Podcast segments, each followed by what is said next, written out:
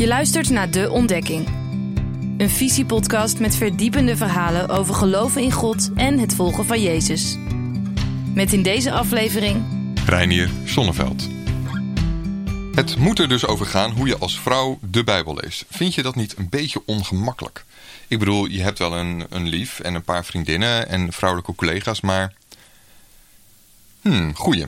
Ik zal eens even met de visieredactie bellen. Belt. Nou, ze zeggen dat ik maar mijn vrouwelijke kanten aan moet spreken. Wat zegt dat over mij? Ik doe juist zo mijn best met die woeste baard en... Mislukt. En ze zeggen dat we allemaal mensen zijn. Dat we allemaal mensen zijn, is dat niet wat mager?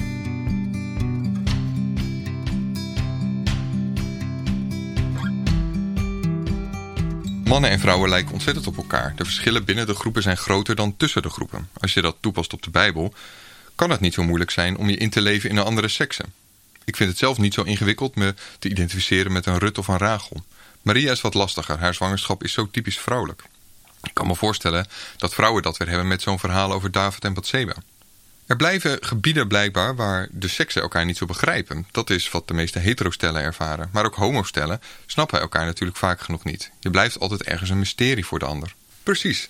Er zijn allerlei verschillen waardoor het soms lastig is een ander te begrijpen. Niet alleen het verschil in geslacht. Er kan afstand zijn in karakter. Wat, wat is dat voor een raar gepoch van die Jozef?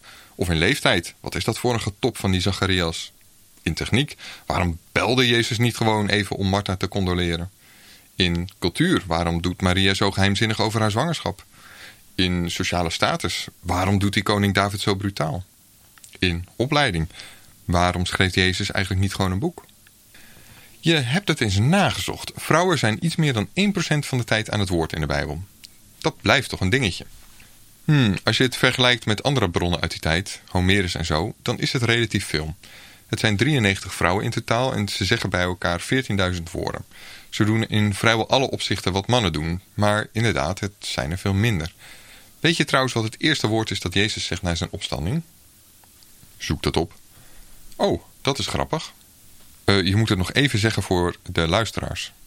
Oh ja, vrouw. Mooi toch? Daaraan zie je dat er ontwikkeling is in de Bijbel. Vrouwen waren de eerste getuigen van de opstanding en in de vroege kerk bekleden ze waarschijnlijk alle posities. Ze worden oudste genoemd, diaken, profeet, discipel, apostel.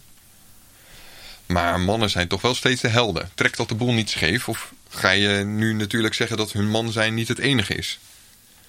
Je hebt me door. Er zijn ook verdacht veel mensen uit de ijzertijd in de Bijbel. Is dat niet discriminerend? En alle Bijbelschrijvers zijn Joden. Worden zij niet voorgetrokken? De meeste Bijbelse personen konden niet lezen. Zijn analfabeten Gods lievelingetje? Natuurlijk niet.